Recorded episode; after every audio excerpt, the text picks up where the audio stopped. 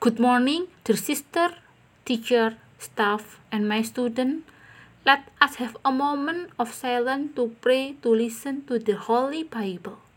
In the name of the Father, and of the Son, and the Holy Spirit. Amen. Thank you, Jesus, for always wanting to be my friend. Also for the Holy Spirit that you sent to guide my life. Before going to work, I ask for your guidance throughout the day. Bless us all this day. Amen. The Lord be with you and also with you. A reading from the Holy Gospel according to Matthew. Glory to you, Lord. Do not think that I have come to loosen the law or the prophets.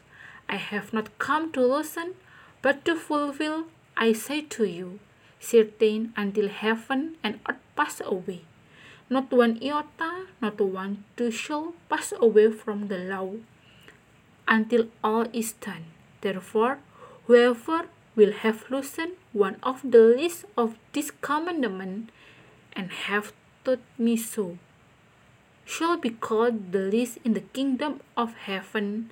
But whoever will have done and taught this, such a one shall be called great in the kingdom of heaven.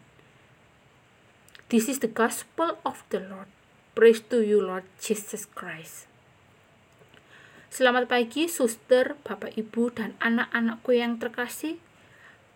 Hari ini kita berjumpa dengan sosok Tuhan Yesus yang sedang berdoa dan berkhotbah di Bukit Sabda Bahagia.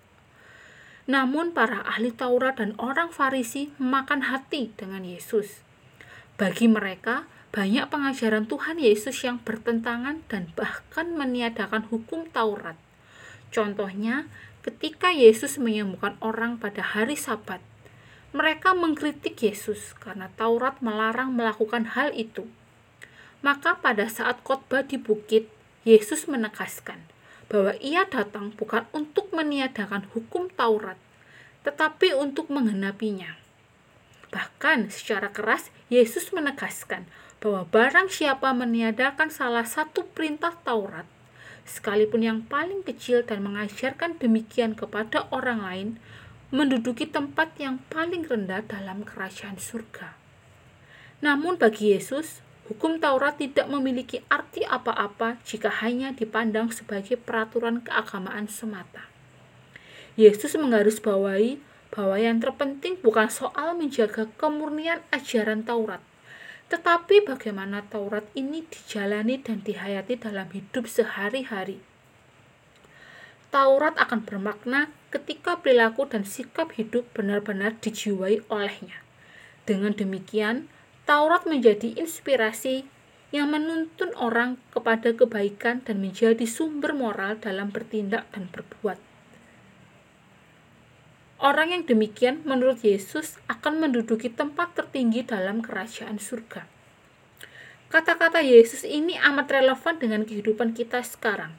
Kitab suci adalah firman Tuhan yang menjadi pelita dalam hidup keberimanan kita. Saat ini, sering kali ayat kitab suci dipakai untuk membenarkan perilaku yang menyimpang, seolah-olah Tuhan mengizinkan umat manusia melakukan apa pun sesuai dengan keinginannya. Sebagai pengikut Kristus, acap kali kita hanya tampil sebagai pendengar atau pembaca firman. Sabda Allah yang dibaca dan didengar belum meresap dan menjiwai seluruh pola laku hidup keberimanan dan sosial kita.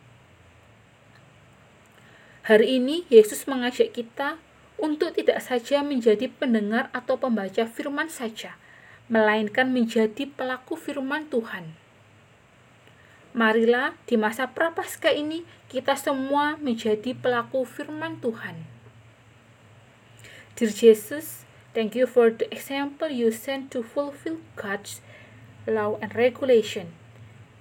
Make us your disciple whom you can be proud of. Amen. In the name of the Father, and of the Son, and the Holy Spirit. Amen.